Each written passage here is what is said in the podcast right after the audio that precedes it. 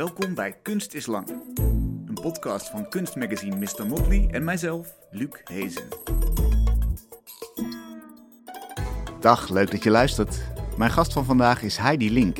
Ze is gefascineerd door de zeggingskracht van gebouwen, met name van gebouwen die leeg staan. Hun oorspronkelijke doel is weggevallen en voor even liggen alle mogelijkheden weer open. Heidi's werk bestaat bijvoorbeeld uit maquettes van plaatsen die inmiddels verdwenen zijn. Ze baseert ze op haar geheugen en fotografeert de maquettes vervolgens. Zo ontstaat er een mysterieuze afbeelding van iets dat het midden houdt tussen een echt bouwwerk, een theaterdecor en een herinnering, vaak geïsoleerd tegen een zwarte of grijze achtergrond. En ook voor haar installaties in de openbare ruimte herschept ze vaak gebouwen die er niet meer zijn. Denk aan een uitkijktoren in het Gelderse Duiven, waar ooit een Romeinse wachttoren stond, een venijnige eenpersoons observatiebunker in het bos van landgoed Palts in Soest, die doet denken aan de betonnen verdedigingsbunkers op de nabijgelegen militaire terreinen die stammen uit de Koude Oorlog.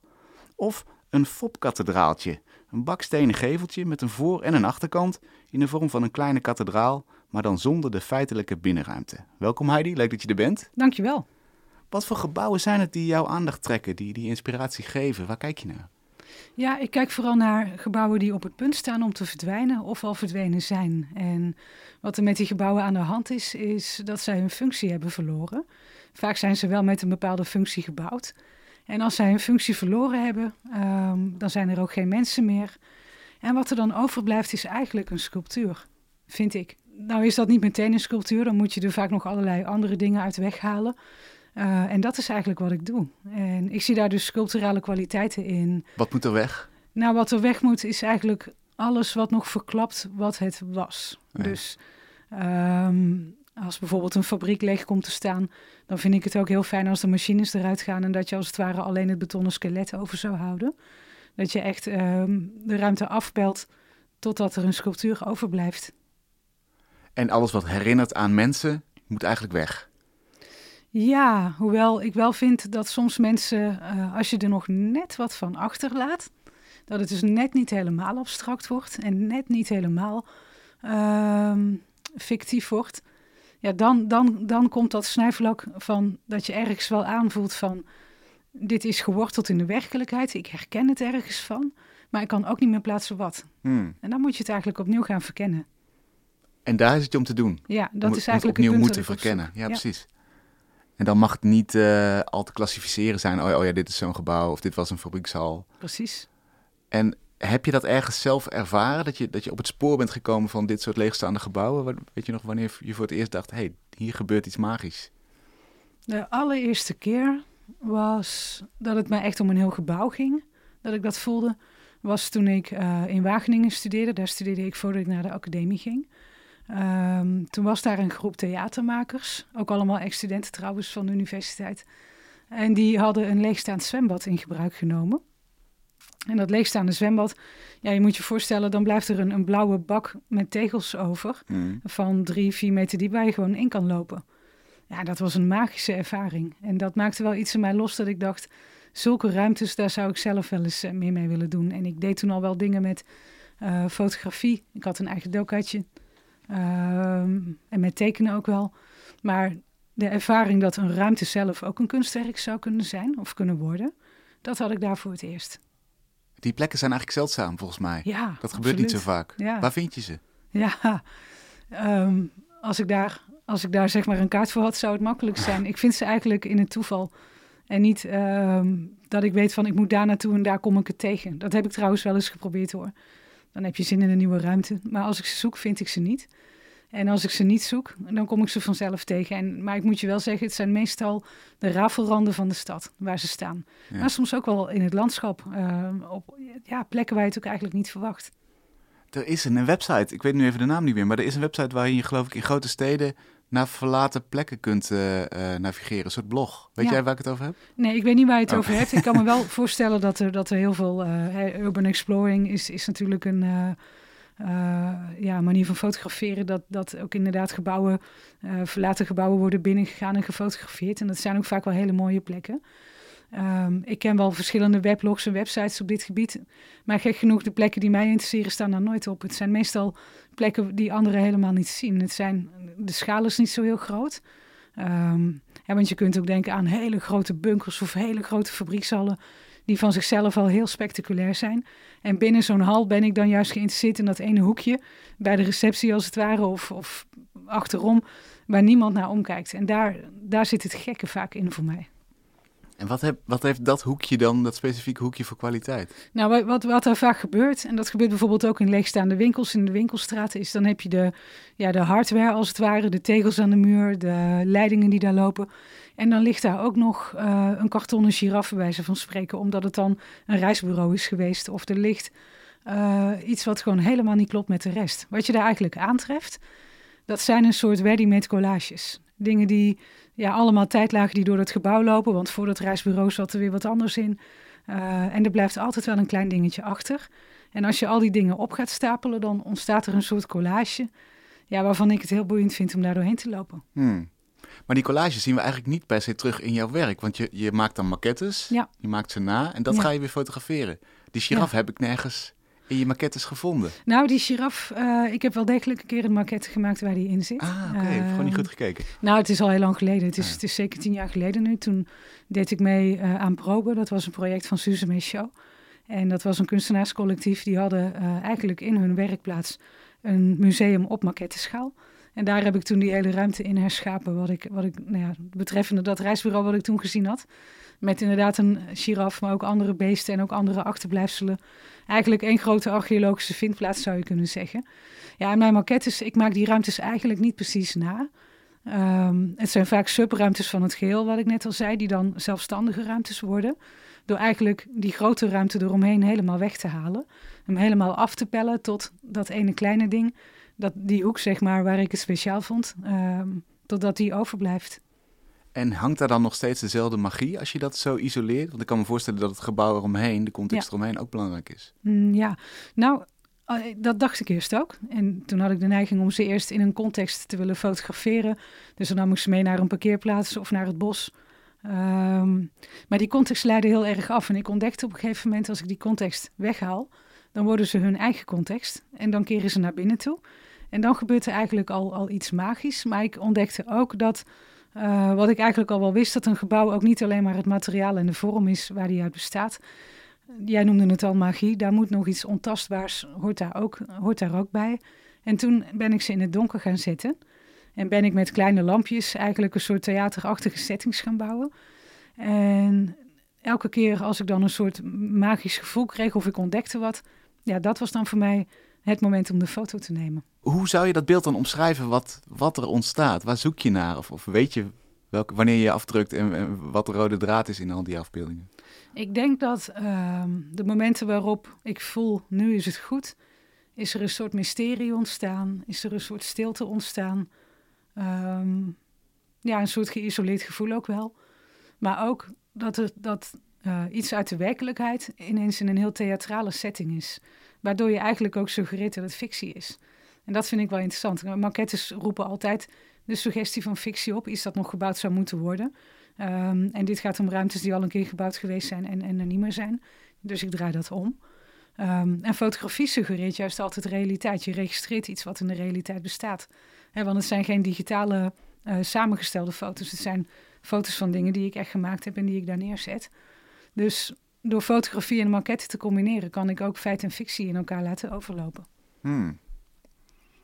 En nog, uh, misschien nog even terug naar de plekken waar je de inspiratie vindt. Je zei, daar zit een soort wijsheid in, als ik dat ja. aantref. Een wijsheid ja. van een gebouw, van een, van een plek. Wat bedoel je daarmee? Ja, het is de wijsheid van de ontregeling van dat gebouw. Want een gebouw, architectuur, daar zit toch een soort verlangen naar orde in, voorspelbaarheid. Daar zit ook een vooraf bedacht gebruik in, een ja. vooraf bedachte functie.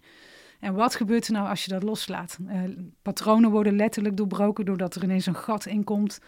Um, met het weghalen van het een krijgt het ander ineens meer aandacht. Um, ja, en ook dat lege ruimtes eigenlijk niet bestaan, dat er altijd wel iets te vinden is. Dat vind ik wel een soort wijsheden. En elke ruimte ja, die ik gebruik in mijn werk, die laat het eigenlijk wel zien. Hmm.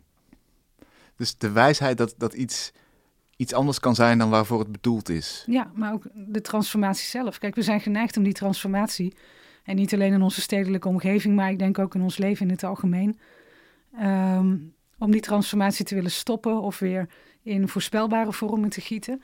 En ik ben juist benieuwd wat er gebeurt als je die transformatie alle ruimte geeft. Dus in mijn maquettes gaan die transformaties ook wel eens iets verder dan dat ik ze heb aangetroffen. Dan worden het een soort scenario's van wat als dit gebouw nou eens niet um, helemaal leeggehaald wordt en opnieuw wordt ingericht, maar als die transformatie gewoon blijft, dat het gewoon een ruimte wordt die mensen gewoon kunnen verkennen en daar hun eigen wijsheden uit kunnen halen. Hmm. Dat verlangen zit er eigenlijk wel achter. Dat zou heel mooi zijn, ja. Dat is waarschijnlijk wat de Urban Explorers drijft. Om op plekken te komen waar ze even eh, alle mogelijkheden uh, ja, voor zich zien. Of ja, ik, ik denk dat Urban Explorers ook wel houden van de esthetiek van het verval. En daar houd ik ook van. Maar ik wil wel, ik wil wel voorbij die esthetiek kijken welke wijsheid zit er ook in. Ja.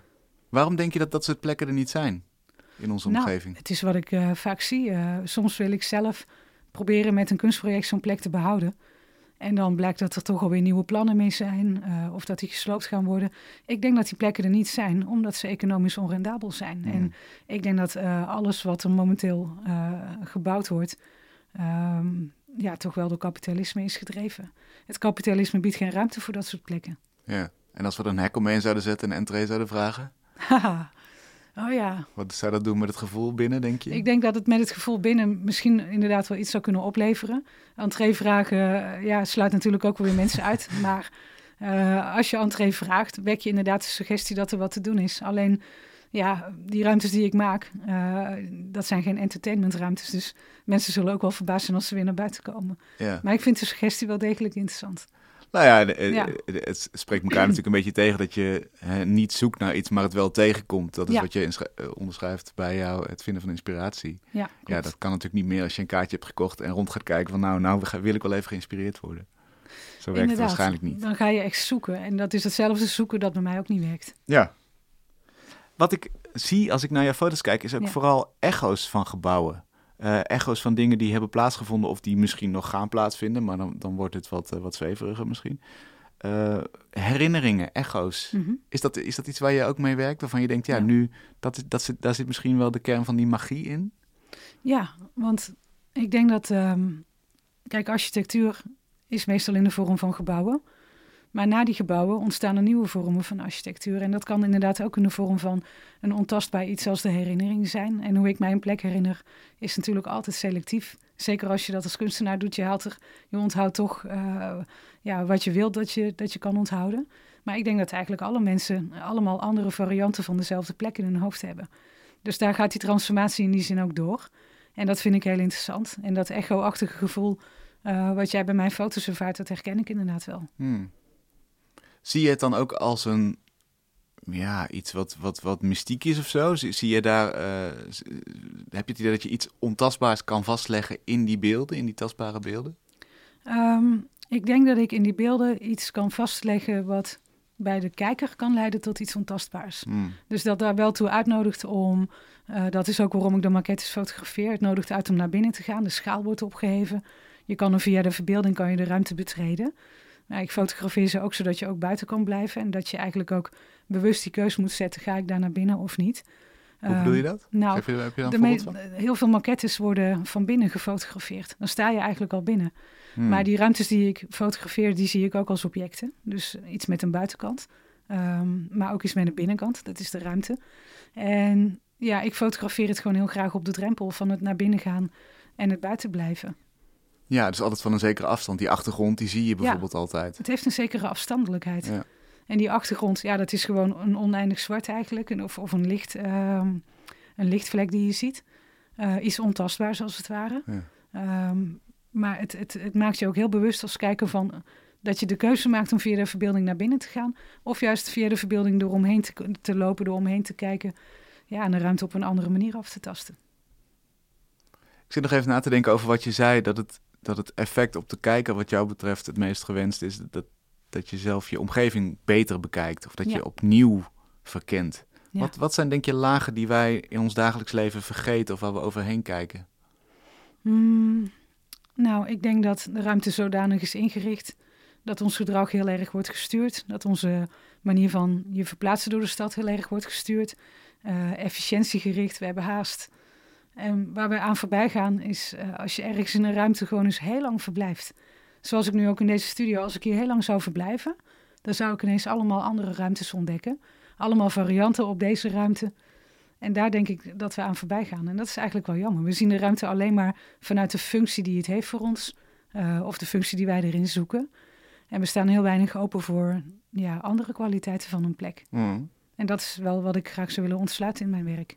Maar iemand die heel efficiënt gedreven is, die zou dan zeggen: ja, maar de, die andere variaties die zijn ook gewoon niet zo interessant voor mij, want ik heb een doel en daar moet ik naartoe. Ja. wat haal jij dan toch uit die andere variaties? Ja, sculpturale omgevingen, plekken die de fantasie aanmakkeren, um, plekken die andere scenario's mogelijk maken. Uh, maar vooral ook de nieuwsgierigheid. De nieuwsgierigheid die je aanzet om te verkennen. Ja. En misschien toch ook een beetje, tenminste dat zou ik me kunnen voorstellen, het idee dat je weg wil van het efficiënte leven, wat, wat ons toch inderdaad een beetje wordt opgedrongen. Absoluut. Je moet, je moet daarin mee eigenlijk. Ja. Ja, als je naar een braakliggend terrein gaat, nou, dan komen daar eerst berkenboompjes op. Dat zijn de eerste. Dat zijn de pioniers als het ware. Daarna gaat die transformatie ook verder. Die, die tegels van die vloeren die daar nog liggen, die worden omhoog gewipt.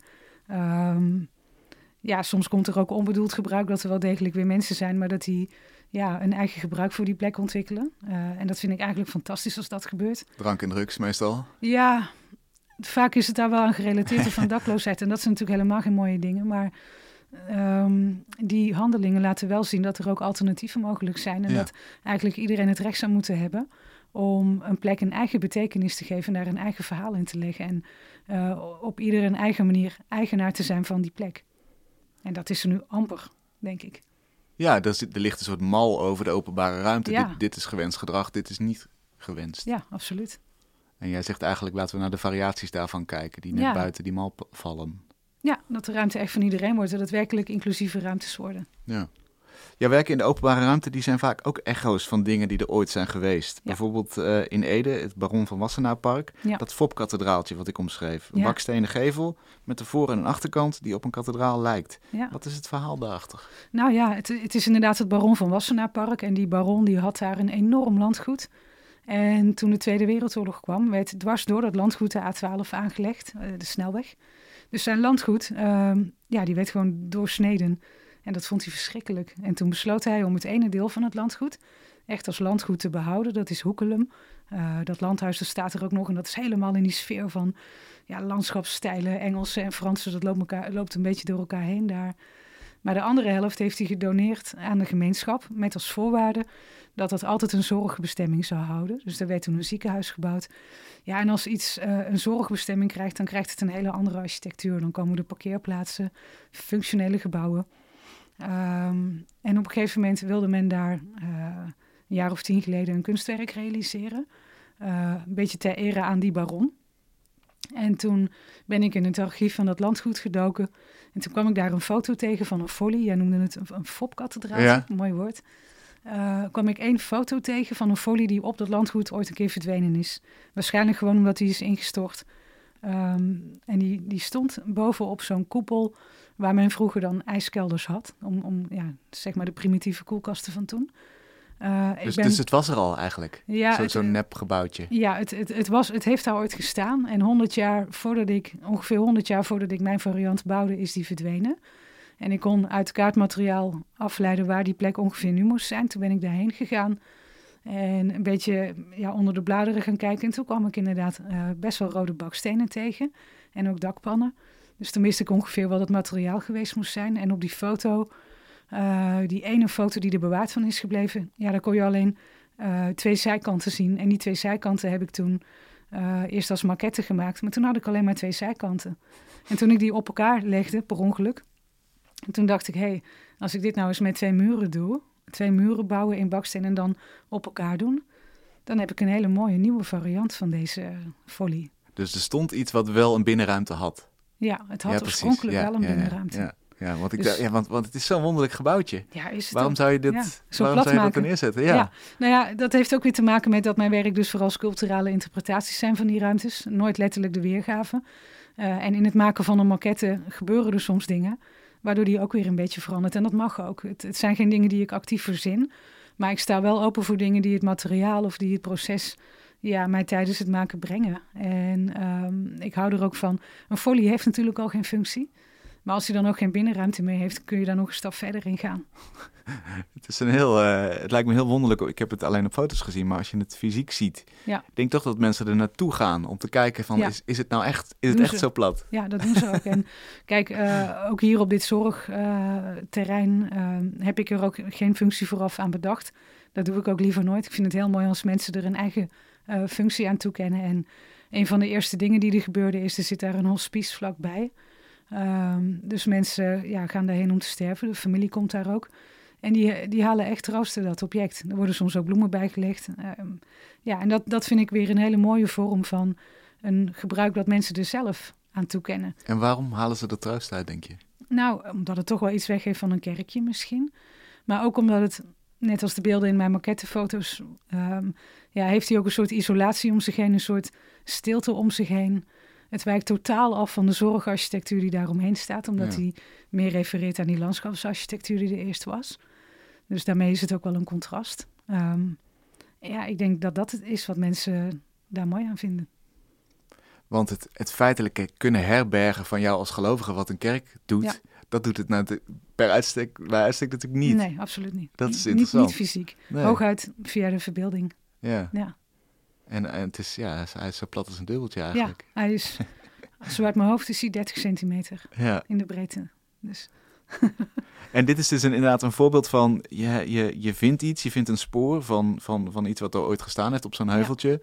En eigenlijk gaandeweg eh het maakproces denk jij dat materiaal wil iets. Of dat, dat, dat, is een, dat stelt iets voor. En, Ja. en als ik die wanden naar elkaar toeschuif, dan heb ik een nieuwe vorm. ja, en dat gebeurde eigenlijk per ongeluk, maar ik vond het gelijk zo leuk. Eh, Dat ik dacht, eh, dit is hem. En om dat in bakstenen te doen is natuurlijk een stuk moeilijker. Er zit een eh, best wel zware stalen constructie in het object. Dat zie je helemaal niet. Want ik wou hem echt helemaal in baksteen hebben. Maar ehm, dat is ook wel het aardige. In die maquettes kan ik alles doen wat, ik maar, wat maar in me opkomt. Eh, zwaartekracht geldt amper. Bouwkundige eisen of wetten, ehm, die gelden er niet. Ja. Maar vervolgens, als je dan zoiets bedenkt, ja, dan moet het, als je dat groot gaat uitvoeren, moet dat natuurlijk wel kunnen. Maar ik, ik heb dit gedaan met een lokale aannemer die, die dat gewoon heel goed gedaan heeft en die ook ja, bouwkundige adviseurs in dienst heeft die me daarbij konden helpen. Hmm. En ik moet eigenlijk voor ieder project een team samenstellen van mensen die mij kunnen helpen om dingen die ik ja, heel makkelijk in mijn atelier even bouw, om dat ook in het echt te kunnen doen. Ja. Waarbij je afwijkt dus blijkbaar van de gangbare gebruik, het gangbare gebruik van architectuur. En dat levert soms best problemen op, want als iets een vergunning moet hebben, en bijna alles wat ik doe moet een vergunning hebben, ja, dan, dan weet zo'n gemeenteambtenaar ook niet van waar, wat, dan moet het in een categorie Welke vallen, dat lukt dan dit? niet. En Ja. dan is het ehm, bouwwerk niet gebouw zijnde, dat vind ik wel een hele mooie. Bouwwerk niet gebouwd zijn. Ja, dat is het dan meestal. En eh, Hè? Wat, wat houdt dat in? nou ja, dat is dan een bouwwerk dat geen functie heeft verder, daar, daar heb je het eigenlijk al. Oh, niet gebouw zijnde. Maar wel, ja, ja, oké. maar ja. wel, ja, ja, ik snap. maar in zekere zin is het natuurlijk wel een gebouwtje. Ja. En, en soms hebben mijn werken wel een functie. Eh, dan moet het ook veilig zijn. Nou ja, dan komt er gewoon een heleboel meer bij kijken. ja. Ja, Er is één werk waarin dat niet zo is. Althans, daar is volgens mij geen vergunning voor afgegeven. Mhm. Interessante installatie vind ik. Ready to Lose Control uit Ja. 2013. ja, Een leegstaande bunkerwoning ja, aan de rand van de militaire luchtbasis Delen boven Arnhem. Ja. Ehm, daar heb je allerlei meterslange zwarte balken kriskras door de ruimte geïnstalleerd. mhm. Ik zag het als een soort vorm van niet-menselijke bewoning. Vrij agressief, best wel energiek Ja. nemen ze die ruimte over. Ze gaan ook door het raam, door Ja. het open raam. klopt. Eh, best wel, ja, ook intimiderend, denk ik. Ja, het was een vrij agressieve installatie. Ehm, en het was inderdaad een bunkerboerderij. Het ziet er aan de buitenkant uit als een boerderijtje. Een heleboel bunkers zijn in die tijd door de Duitsers daar gebouwd. Een soort camouflage was dat. Dan leek het geen doelwit. Maar ja, die muren die zijn meer dan een halve meter dik. Dus als je er eenmaal binnen bent, dan zie je dat ook wel. En die panden hadden eh, ja, iets van twintig jaar leeg gestaan. Waren afgetimmerd met van die houten platen. En de installatie is gebaseerd op een fenomeen dat ik in een andere leegstaande ruimte had gezien. Van een paal die echt door een raam naar binnen was gegooid. Dat was er toen maar eentje. En ik wilde dat heel graag een keer ergens doen. Maar ja, je kunt je voorstellen als je dat bij een museum of een galerie eh, voorstelt. Ja, daar gaan ze helemaal niet op in verder. Dat is gewoon, in een museum is een klimaat en dat moet gehandhaafd blijven. En ehm, ja, überhaupt dat je iets door een raam naar binnen doet. Maar eh, het kunstenaarscollectief dat mij uitnodigde om iets te doen daar... ehm, ja, die hadden dus deze ruimte tot hun beschikking. En inderdaad, er is geen vergunning voor aangevraagd. Ehm, En dankzij dat kunstenaarscollectief dat tegen de eigenaar had gezegd dat ik daar tekeningen op zou hangen, kon het doorgaan. ja, die hadden heel veel lef, die jongens van Stichting Gang. Ehm, dus toen kon het doorgaan. En toen heb ik 36 van die uh, ja, boomstammen besteld. Ze geschilderd met uh, de inkt waar ik ook mijn tekeningen in maak. En toen hebben we alle houten platen van die ramen afgehaald. En toen, ja, omdat de, de eerste stralen van het daglicht daar weer eens na 20 jaar naar binnen kwamen. Um, die boomstammen hebben eigenlijk gewoon het daglicht gevolgd. En zo ontstond het werk. Ah. van binnen naar buiten. Ja. En eigenlijk, als je zegt dat was de inkt waarmee ik mijn tekeningen maak, dan heb je het soort van tekeningen opgehangen daar. Je, hebt, je, hebt je inkt daar uh, uh, laten hangen. Ja, ik, ik, heb me qua de inkt, dus ik heb me voor de helft heb ik me aan mijn belofte gehouden. Ja. Voor de andere helft heb ik iets anders gedaan. Ja. en je moet dus blijkbaar liegen om, om buiten de kaders te komen van wat een normaal gebruik van zo'n van zo'n woning zou zijn. Zelfs al is het voor kunst. Nou ja, dat klopt. Ik wist overigens niet dat ze dat gezegd hadden tegen die eigenaar. Uh, maar je hebt wel gelijk. Ehm, als je dit soort dingen wil doen, dan moet je of heel veel geluk hebben dat de eigenaar voor alles open staat. Ja, of je moet een list bedenken. Ja. ja. Wat vond de eigenaar ervan toen hij kwam kijken? Ik neem aan dat hij het gezien ja, de eigenaar toen... Kijk, nu woont daar gewoon een gezin, geloof ik. Die hebben het ook helemaal netjes en mooi gemaakt. En die hebben misschien niet eens een idee wat ik daar gedaan heb. Ehm, de eigenaar toen was, ja, ik geloof gewoon Defensie nog. Hm. En die kon het, nou ja, qua veiligheid had het natuurlijk nooit gemogen dit. Maar die, als ik zie wat de staat van het gebouw toen was, kon ik me niet voorstellen. Mijn, mijn werk heeft helemaal geen schade toegebracht aan dat gebouw. Maar wel schade aan het gebouw zichtbaar gemaakt wat er al was. Hmm. En dat gaf mij wel de indruk dat hij niet, niet heel veel gaf om de gebouwen nog. Wat is dat voor mens, niet-menselijke bewoning, zoals ik het noemde? Wat, wat gebeurde daar? Je had een uitgelezen kans om iets geks te doen. Dat, dat is gebeurd. Ja, wat daar gebeurde inderdaad, die, die objecten, die, die palen namen het over. Die, uh, wat er ook nog gebeurde, het was een festival van twee of drie weken, herinner ik me. Het regende elke dag continu. dus dat water kwam ook via die, die palen naar binnen. En ah, s s'nachts zette ik op, op precies de juiste plaatsen emmers eronder, zodat het niet uh, al te zeer onder zou lopen daar. Um, er kwam allerlei nieuw leven dat gebouw binnen. Dat water, vogels, insecten. Dat zie je ook in de video die ik ervan gemaakt heb. Maar inderdaad ook overdag bezoekers die kwamen kijken. Ja. En wat voor wijsheid heeft het daar opgeleverd, om zo maar te zeggen? Nou, dat zit misschien ook wel een beetje in de titel van het werk, Ready to Lose Control. Wat gebeurt er? Wat kan er gebeuren als je de controle op iets loslaat? Want die bunkers waren natuurlijk wel met een zeker doel gebouwd. Absolute controle over de vijand. Uh, maar ook uh, dat ze bescherming moesten bieden. Nou ja, dat deed het in mijn werk helemaal niet meer. Het werd een gevaarlijke omgeving. Um, maar soms zit er ook ja, allerlei kansen en allerlei goeds in als je dat gevaar opzoekt en als je die controle durft los te laten. En dat is meer iets wat ik dan achteraf vaststel dan dat ik vooraf bedenk dat er een zekere boodschap in dat werk moet zitten. Ja. Maar dat was wat ik zelf ervoer toen ik voor het eerst door mijn afgeronde installatie heen liep. En je zei inderdaad al, het is een vrij agressieve installatie. En ik zag één keer ergens een paal naar binnen gaan. Ja. Toen dacht ik, dat wil ik ook. Ja. Uh, wat, wat, wat, wat, doet kunst in dit geval dan met zo'n uh, uh, verlangen naar, naar agressie of zo? Wat, hoe, hoe heeft het dat, heeft het dat ingewilligd? Of hoe zou je dat... Ja, wat, wat kunst doet, het is gewoon totale ontregeling. Het is um, ontregeling in dit geval van de architectuur, maar metaforisch gezien denk ik ook wel van um, onze drang naar controle, maar ook naar nou ja, een heleboel bunkers die zijn natuurlijk gebouwd in een, in een tijd van oorlog. En zeker in het gebied waar ik werk, waar ik woon, Arnhem en omstreken, daar zijn heel erg veel bunkers die nu als een soort sculpturen in het bos staan. En ik fantaseer er soms hard op over, want het zijn hele mooie sculpturen vaak. Wat gebeurt er nou als je een bunker gewoon, als je de oorlog zou overslaan en gewoon een bunker zou bouwen? Gewoon als een mooie sculptuur waar je wel bescherming in zou kunnen ervaren, maar waarin, uh, waarin je ook andere dingen kan ontdekken. Dus eigenlijk komt het weer neer op hetzelfde. Mijn verlangen naar ja, andere mogelijkheden om betekenis aan een ruimte toe te kennen. Ja, en, en een onbestemde betekenis dus eigenlijk. Ja. Onbestemd, onbepaald, vooraf geen functie bedacht. Maar iedereen mag het persoonlijk uh, een betekenis aan toekennen. En dat hebben mensen toen ook wel gedaan. Maar als jij nu iets mocht neerzetten in de buurt van jouw woonplaats, volledig zonder bestemming, hoe zou het er dan uitzien? Oh, in mijn woonplaats staat hij er al. Uh, ik heb, het is grappig dat je het vraagt, want waar ik nu woon in Ede, ook weer een kazerneterrein, um, daar staat de Stingerbol. Dat is een enorme witte bal, is dat eigenlijk. En meer dan tien jaar geleden, toen kwam ik daar voor het eerst op dat terrein. Toen was het nog van Defensie. Toen was het nog geen openbaar gebied, maar men wist al wel dat het omgebouwd zou worden tot woonwijk. en toen wilden ze een kunstwerk hebben dat aan de militaire historie zou refereren. Nou, dus toen ben ik daar met andere kunstenaars uh, naartoe te gaan, ideeën te verzamelen. En toen kwam ik die stingerbol tegen, een, een leegstaande metalen bol van een doorsnee van 18 meter. Met 18 een, meter? Ja, en met een galm binnen. Als je met je vingers knipt, dan hoor je dat eindeloos door die ruimte omheen ech, uh, omhoog echoen. Ik dacht, jullie hebben je kunstwerk al. En dat ding zou toen gesloopt worden. En mijn voorstel begon bestond er simpelweg uit sloop hem niet.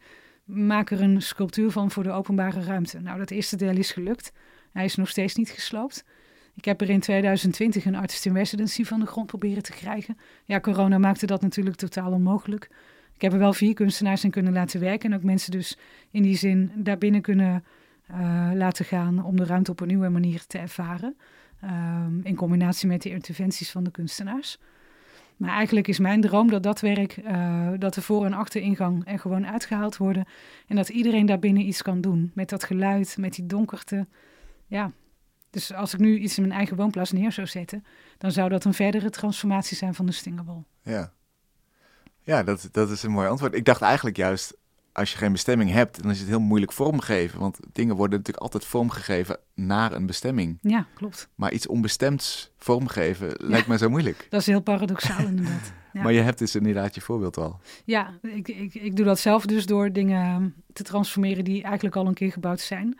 En wat ik als kunstenaar doe, is alles eruit halen wat aan die oude functie herinnert, zodat er mogelijkheden voor nieuwe betekenissen ontstaan. Hmm.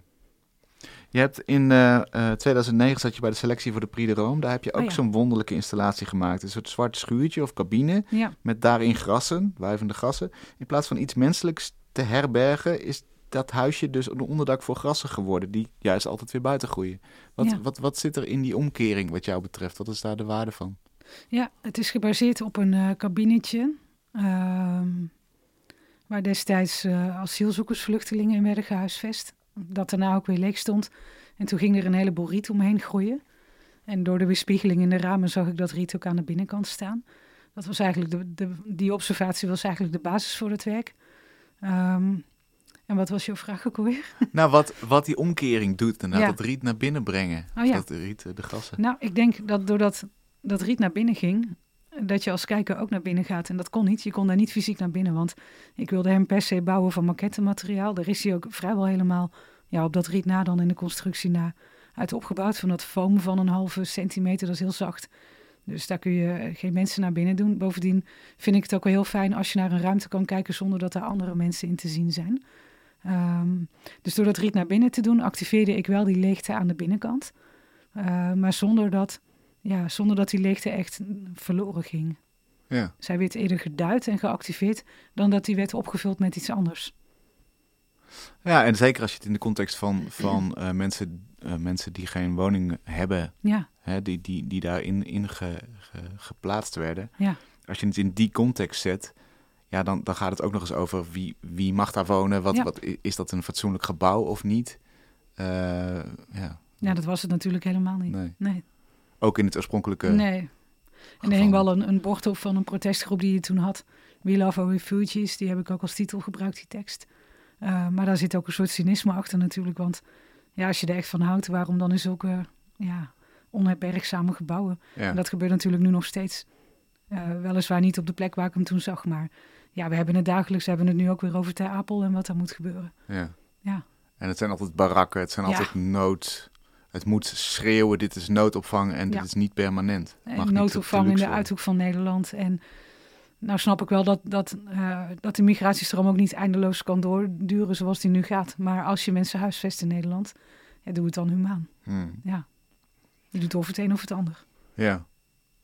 Ja, dat is interessant. Uh, dat je doet of het een of het ander is natuurlijk een beetje de wat we met de gebouwde omgeving ook bedenken. Hè. We, we bedenken één taak daarvoor. Ja. Uh, ik zit nog even te denken aan, hier in Amsterdam worden uh, vluchtelingen ook opgevangen op een soort cruiseschip ergens. Ja. ja. Um, zeg jij dat vind ik een inspirerend voorbeeld van juist een ander gebruik van iets? Of hmm. hoe, hoe, kijk je daarnaar? Ja, ik vind het inspirerend als een schip kan veranderen in een nieuwe plek. Ehm, maar natuurlijk vind ik uh, wat er met vluchtelingen gebeurt, überhaupt dat het nodig is dat zij hier naartoe komen, dat ze hebben moeten vluchten. Ja, dat vind ik zo'n lading hebben, dat ik daaruit niet, niet iets positiefs haal of niet mijn inspiratie haal. Ja. De ellende van anderen. Maar dat een schip dat oorspronkelijk ja, er zit natuurlijk wel een soort cynisme in. Een cruiseschip is over het algemeen voor hele rijke mensen die vaak wel meer dan één huis bezitten. Uh, is het niet om te bewonen, dan is het wel om te beleggen. Die kunnen zich zo'n reisje veroorloven. Hmm. Maar de schepen waarmee vluchtelingen komen, ja, dat is natuurlijk van een heel andere orde. Daar zit een soort cynisme in. Ehm, maar dat raakt me tegelijkertijd zo dat ik daar geen werk over wil maken. Nee. Dat gaat me dan te ver.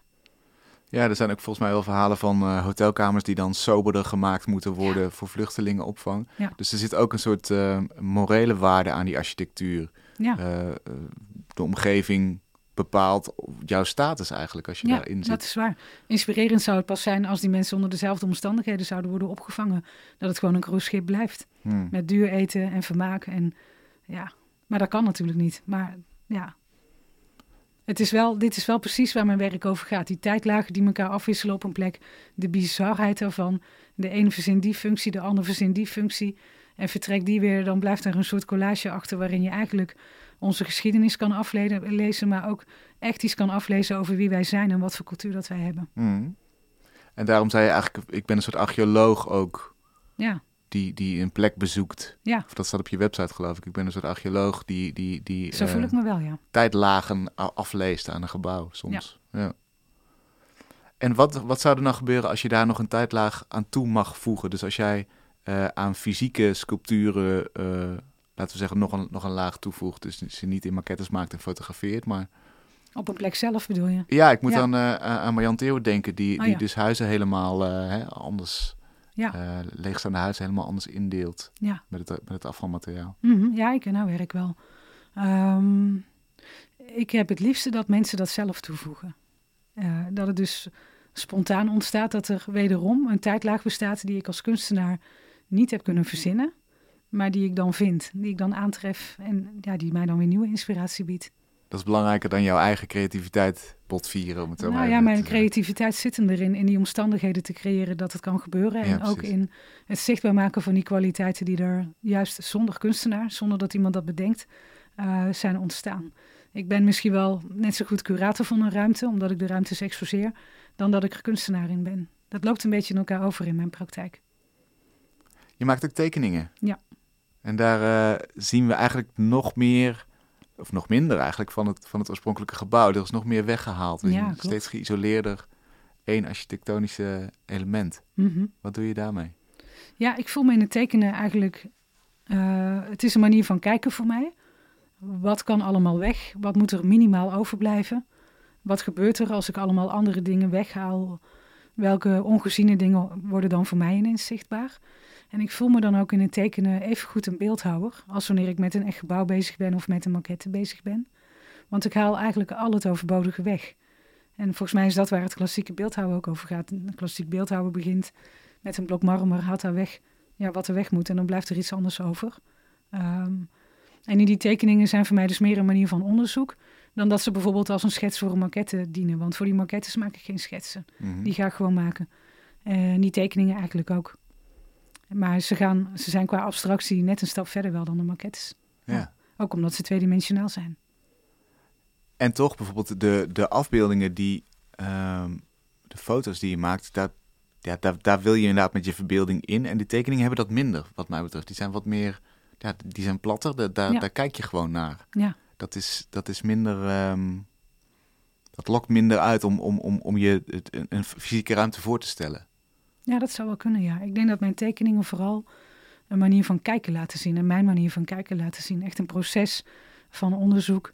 En ook de transformatie van het eh, driedimensionale inderdaad naar het tweedimensionale. Waar ben je nu mee bezig? Wat zit er aan te komen voor de komende periode? Ehm, nou, ik ben weer nieuwe maquettes aan het maken en ik ga in april eh, meedoen met een eh, kunstbeurs die er voor en door kunstenaars wordt georganiseerd. In Lood 6 in Amsterdam is dat. Daar ga ik er ook eh, een aantal van mijn foto's laten zien. En dus, ja, omdat het voor en door kunstenaars is, ben ik dus ook bezig met de voorbereidingen daarvan. Ja. En, en qua ontwikkeling, heb je een idee waar jouw werk naartoe gaat de komende jaren? Hmm, Wat interesseert je? qua ontwikkeling uh, zou ik graag in de maquettes met name willen, maar ook in de objecten die ik buiten maak, dat de eigenschappen van het materiaal nog meer ruimte krijgen. Dat ze dus nog sculpturaler worden. Um, Betekent dat abstracter ook? Of wat bedoel je met sculpturaal? Nou, abstracter niet zozeer, maar wel dat wat ik nu ook al wel eens doe in een maquette, is dat ik iets wat oorspronkelijk van hout is, dat dat dan ineens vloerbedekking mag worden. Ehm, dat vind ik wel fijne ontdekkingen, want dan verandert er ook iets terwijl de vorm hetzelfde blijft. Maar ook qua hoe de sfeer in de ruimte is, verandert dan ook. Dat zijn wel dingen die mij interesseren. Dus ik denk dat daar nog wel uh, nieuw onderzoek in zit voor mhm. mij. En dan gaat het nog steeds om het ook uitvoeren, fysiek uitvoeren van maquettes of, of, of blijft het bij maquettes? Ja. Nou, ik moet zeggen, ik heb in die maquettes wel een heleboel artistieke vrijheid ontdekt. Um, ik maakte natuurlijk altijd al maquettes, maar sinds een jaar puur autonoom. Uh, en daar ben ik nog lang niet klaar mee. Dus daar, dat blijf ik echt nog wel een hele tijd doen. Maar ik ben er ook alweer eens aan toe om weer eens uh, in de openbare ruimte iets te maken. Uh, en dan het liefst op basis van iets wat er al staat. Om dat te transformeren tot iets wat een kunstwerk, een kunstproject zou kunnen worden. Ja, zodat de vergunning al afgegeven is. nou, dan niet zozeer daarom, maar, maar meer om, um, om, die, om, die, om die kwaliteiten die ik in een ruimte zie... ook voor anderen voelbaar en, en beleefbaar te kunnen maken. Heb je objecten op het oog Nee, op dit moment eigenlijk niet. Ja, die stingerbol, daar heb ik net al iets over verteld. Ja, maar die is al af. Die, uh, die nou ja, die is eh, in zoverre af. Er zit nu een, iemand anders in die het op een andere manier gebruikt. Hij is pas af als hij helemaal leeg is. Oh ja. En als hij echt openbaar toegankelijk is. En ook als die weer ja, terug is gebracht in de oorspronkelijke staat. Want er zit nu allemaal reclame opgeplakt. Dat moet er allemaal af. Het moet gewoon weer in sculptuur worden. ik hoor dat het, uh, dat je bent nog niet klaar met die bol, nee, dat hoor nee, ik. Nee, nee, nee, je geeft ook les aan de academie in Arnhem. Ja, klopt. Wat, wat leer jij studenten van wat we het afgelopen uren ongeveer hebben besproken? Wat, wat, uh... Nou, ik geef les uh, inderdaad in Arnhem aan alle jaarlagen bij de docentenopleiding Beeldende Kunst. En in de eerste jaarlagen geef ik daar ruimtelijk. Um, en dan gaan we naar buiten. Kijk, die, um, wat, we dan doen is ook een beetje archeologie. We gaan naar buiten toe en dan halen zij dingen die ze op straat vinden, nemen ze mee naar het lokaal. En dat zijn hele kleine dingen, maar die moeten ze dan voor mij heel groot gaan maken. Dus die, uh, ja, die moeten ze in het heel groot gaan uitvoeren. En dat idee is eigenlijk voortgekomen uit een project wat ik deed vlak voordat ik docent werd. Toen heb ik een uh, uitkijktoren gemaakt, uh, je, je, noemde hem al even, in Duiven. En die is niet gebaseerd op een uitkijktoren die daar al stond, maar die is gebaseerd op een sieraadje dat daar, uh, van de Romeinen, dat daar in de modder is gevonden. Een fibula. Een heel klein dingetje. Maar in, die, in dat dingetje zag ik toen ja, een mogelijkheid om het in te kunnen lopen, als het ware. Ik zag het ook als architectuur. Omschrijf de vorm eens. Het is een ronde vorm met zes rondjes aan de rand. En in mijn uitkijkpunt zijn dat de balkonnetjes geworden, als het ware. Dus ik heb hem heel groot uh, gemaakt. Uh, zo groot als maar mocht van Rijkswaterstaat. en um, uh, ook omdat ik dacht, die Romeinen konden veel meer dan die standaard vierkante uitkijktorens maken. Als zij ook zo'n sieraadje konden maken, dan waren ze dus kennelijk tot veel meer ja, ontwerpkwaliteit in staat dan wat we tot nu toe kenden. En ik vind het nu heel leuk. Wat ik mijn studenten eigenlijk leer is een andere manier van kijken. Tuurlijk leren ze ook allerlei ruimtelijke technieken en materialen uh, en, en basisprincipes van ruimtelijk werken. Maar ik leer ze vooral om op een andere manier en vooral hun eigen manier te kijken naar de dingen en daar een vertaling van te maken ja, naar autonoom werk. Ja, en naar andere gebruiken van wat ze zien, wat, wat ze vinden. Ja, want ook die dingetjes die ze vinden, dan, dan gaat het om een stukje aansteker of een, of een uh, bloemetje soms, maar meestal dingen die dus ook weer in gebruiksverwerp waren. Ja, dan kijken we daarnaar. En dan moeten ze voor mij ook heel lang kijken naar het ding. En door dat hele lange kijken ontdekken ze ineens allerlei kwaliteiten erin. Krijgt het associaties, betekenissen, zien ze ook mogelijkheden als ze het net als ik in een nieuw materiaal uitvoeren. Ja, dat materiaal heeft ook een wil, zeker als je het heel groot gaat maken. Um, ja, dat soort ontdekkingen, daar ben ik eigenlijk uh, op uit als docent. En als maker ook. Als maker ook, ja. Dankjewel, leuk dat je er was. En blijf vooral de, die meerdere mogelijkheden ontsluiten voor ons. Dankjewel, ik vond het ook leuk om hier te zijn. En uh, ja, bedankt voor je mooie vragen. Graag gedaan. Tot zover Kunst is Lang voor deze week. We zijn er volgende week weer. Tot dan.